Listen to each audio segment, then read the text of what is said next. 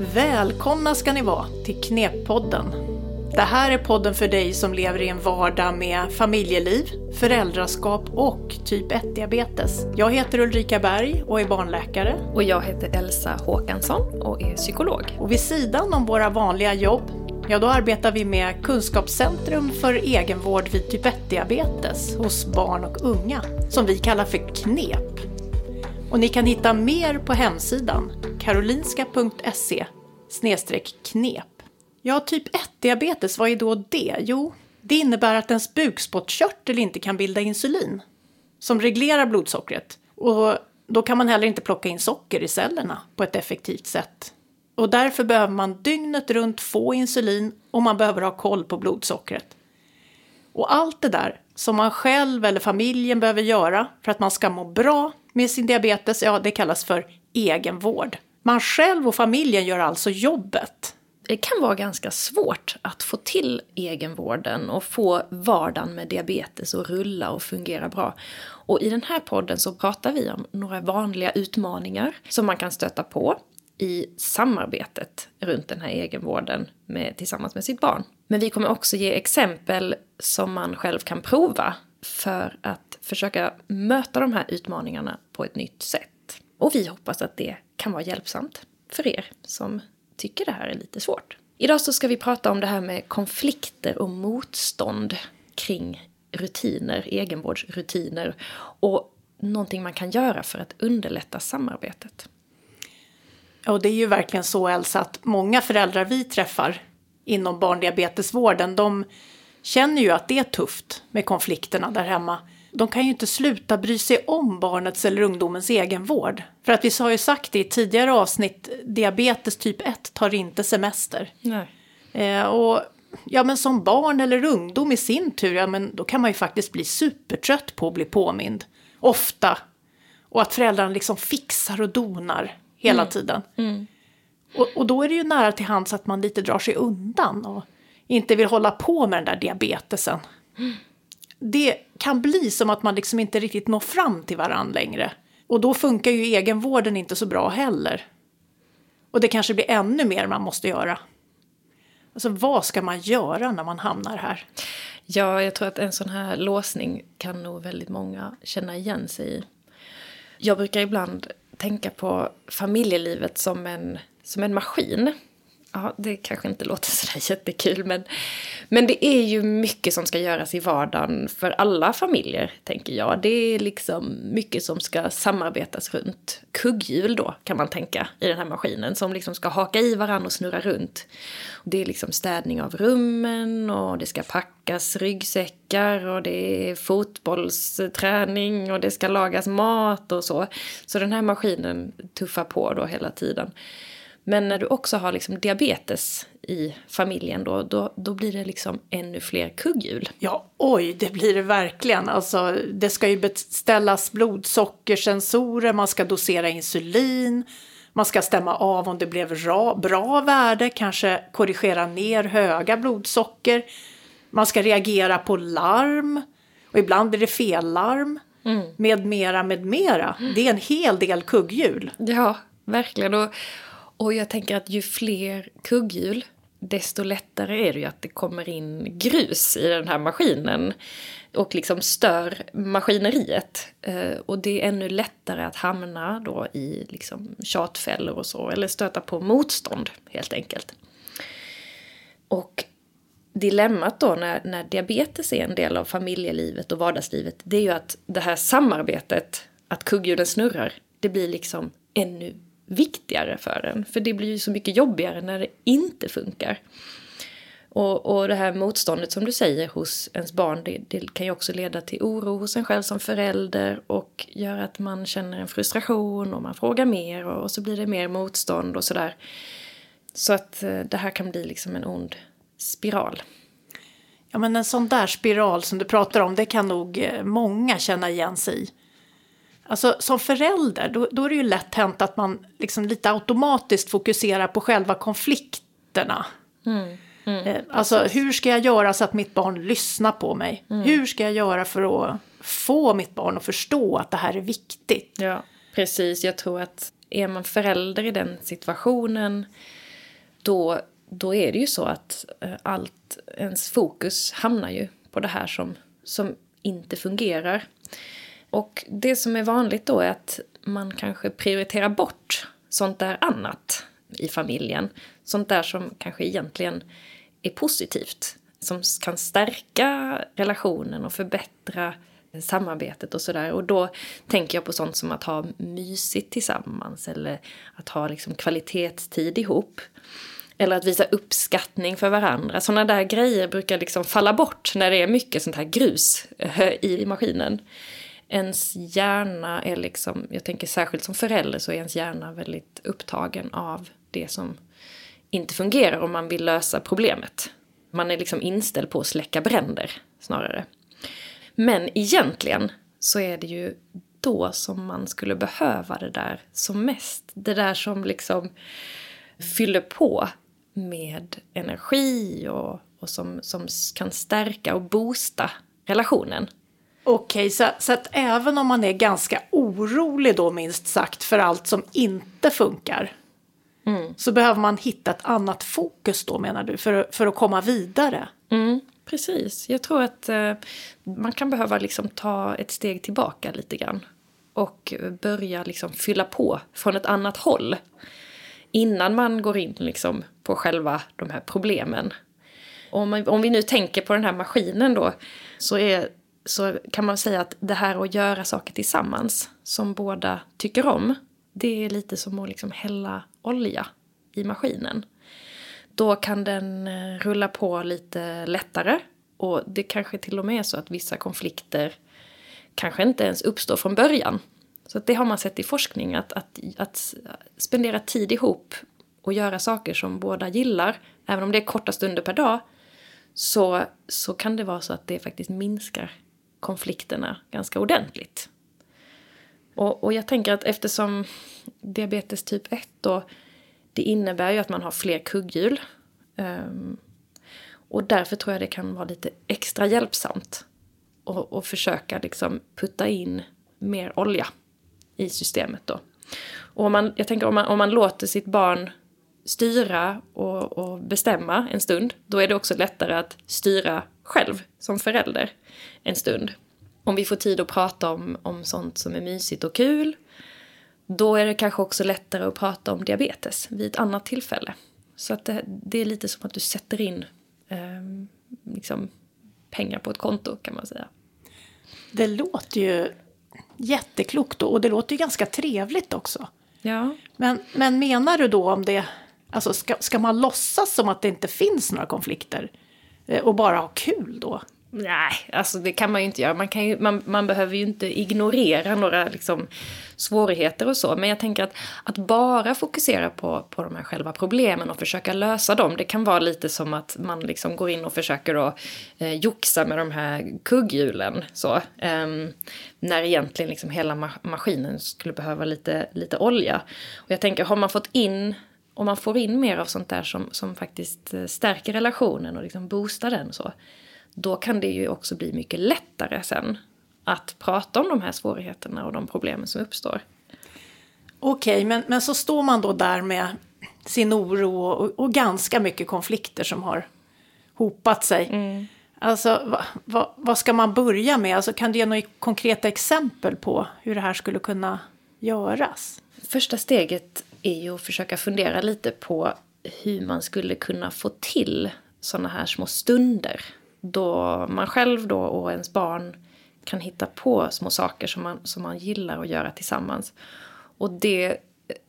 Jag tänker många tänker då bara, ja men vi umgås ju hela tiden. Ja, absolut. Det, det här liksom vanliga familjehänget som att käka middag och glo på tv ihop. Det är ju också viktigt och det är också sånt som, som kan stärka relationen. Men det jag snackar om nu, det är mer liksom någon slags maxad kvalitetstid. Då man eh, då som förälder släpper allt annat som man tänker på och försöker att bara fokusera på barnet. Och att låta ens barn då bestämma vad det är man ska hitta på. Någon slags eh, barnets stund då, eller guldstund ja. liksom? Ja, precis. Barnstyrd tid. Det har olika namn liksom. Men det man, det man ser då är att det här kan göra liksom underverk för samarbetet och gör att just konflikter blir, blir liksom minskar. Och det kan räcka faktiskt med att bara avsätta några minuter några gånger i veckan till det här för att det ska liksom ge positiv effekt. Och det behöver då inte vara liksom att man ska här, åka till Leos lekland eller gå på bio eller gå på någon klättringskurs tillsammans liksom, utan det kan vara sånt som att typ eh, snacka om något som barnet tycker är intressant eller att eh, spela ett litet spel tillsammans eller vad det nu kan vara liksom som, som ens barn uppskattar att göra tillsammans med dig man kan ju börja med att fundera lite på så här, vad, vad, vad, tycker vi om att göra tillsammans? Vad gillar mitt barn att göra och vad tycker jag om att göra? Så att man har liksom några, några förslag på lager. Men sen så är det viktigt att liksom låta barnet styra. Det här är en stund som, som, där barnet får bestämma vad ni ska hitta på. Och jag tänker även om det kan låta ganska enkelt så behöver man ofta, man kan behöva träna lite på det här. För jag tror man som förälder så har man ofta ett sånt där effektivitetstänk. Att bara, ah, jag ska bara, samtidigt som jag gör det här så ska jag också torka eh, bordet eller stoppa ner disk i diskmaskinen och så. Men det här är en stund då man bara sätter stopp för alla de där impulserna. Och så styr man tillbaka uppmärksamheten till, till sitt barn. Det låter ju jättebra det här men du, jag tänker lite grann så här tonåringar. Ja. Alltså man har en tonåring hemma som inte alls verkar vilja vara med, med en. Nej. Eh, den kanske bara stänger dörren och, och, och, och liksom vill vara sitta inne och gamea eller eh, vad den nu vill göra på sitt rum.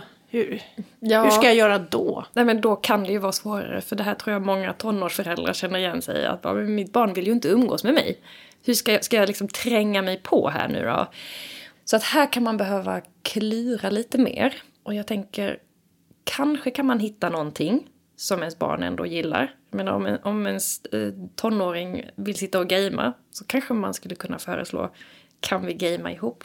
kan jag få prova det här spelet till exempel?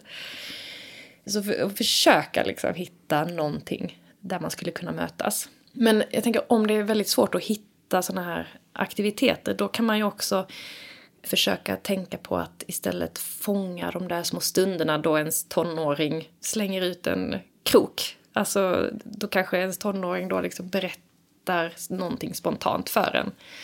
Och att då liksom ta tillfället i akt och släppa det man håller på med. Och lyssna och prata vidare om det som ens barn vill, vill prata om.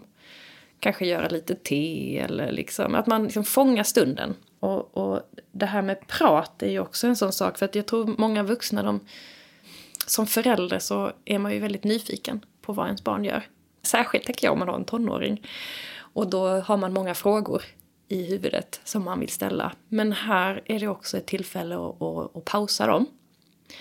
Och istället bara lyssna och följa med i det som ens barn berättar. För det brukar vara eh, ganska skönt när, man, när man får berätta eh, om någonting och att ens förälder bara lyssnar. Det kan vara en väldigt eh, fin stund för en eh, tonåring eller ett, ett mindre barn för den delen. Det låter ju kanske görligt ändå att kunna få in fem minuter om dagen eller, eller kanske några gånger i veckan. Men ibland kan ju till och med det kännas svårt att få in. Mm.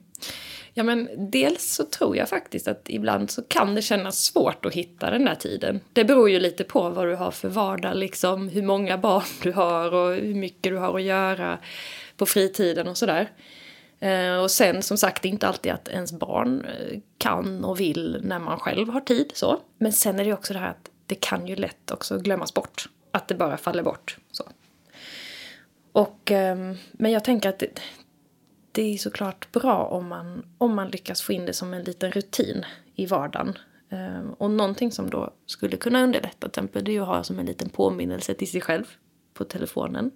En liten fråga man kan ställa till sig själv någon gång i veckan sådär. Har du fått till det här? Har, har ni liksom haft tid för varandra den här veckan? Men sen om det ändå blir så att det blir klurigt att få till så kan man ju försöka få in det i såna här rutiner som man redan har. Det brukar vara en, en, en sak som kan hjälpa för att göra nya rutiner hållbara. Det är att liksom haka fast i någon rutin som redan finns. Och då kanske det kan vara, ja men Till exempel när vi åker till fotbollsträningen, då har vi en stund i bilen. Är det kanske då jag, jag kan passa på och liksom försöka fånga upp sånt där som, som mitt barn går och funderar på. Och att vi kan ha en mysig liten stund eller sätta på en låt som vi gillar eller vad det nu kan vara. Eller när vi sitter vid matbordet, att eh, komma med någon ny idé om någon, någon liksom, frågesport vi kan göra eller dra upp något nytt eh, samtalsämne eller vad det nu kan vara. Men sen tänker jag en viktig grej att påminna sig om det att det här ska liksom inte heller bli ett ytterligare borde i vardagen. Utan sådana här strategier ska ju vara liksom mer som verktyg för en själv som kan liksom underlätta. Och så får man tänka att eh, ja, ja, jag får inte alltid till det här men, men ju oftare desto bättre. Istället för att klanka ner på sig själv när man inte får till det så kan man istället liksom, ja, men klappa sig själv på axeln när man faktiskt får till det. Ja, och jag tänker också att lite grann är ju bättre än inget. Mm. Så är det ju alltid. Precis. En sak du nämnde där, hur många man är i familjen. Alltså mm. hur, hur, ska man tänka då om, om...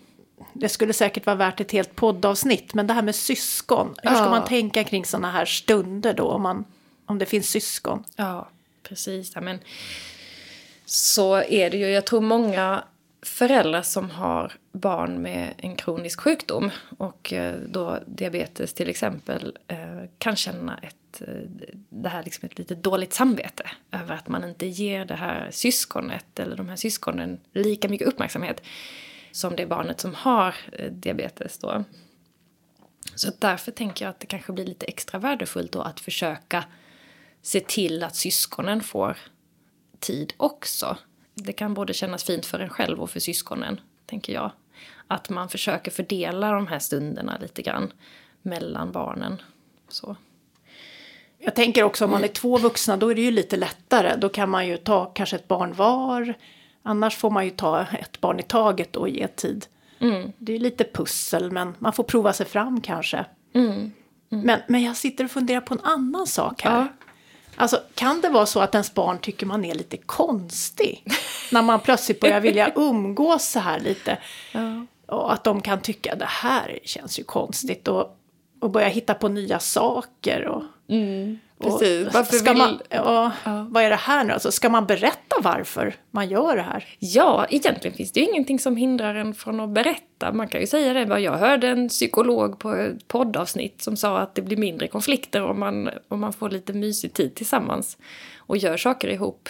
Jag tänker det, det kan man ju alltid berätta om man, om man vill det. Men jag tänker också att sådana här saker, när man har gjort det några gånger så kommer det ju att kännas naturligt för en på ett, på ett sätt. Liksom. När, man, när man får till de här stunderna några gånger så kommer det till slut bli en vanlig del i, i liksom vardagen. Ja, och det du sa i början var ju det här att man tillsammans eh, kanske hittar aktiviteter eller eh, sånt som känns bra. Mm. Och, om inte barnet visar något sånt så får man väl testa och så mm. ser man ju om det faller ut bra. Så annars får man väl testa något annat. Ja.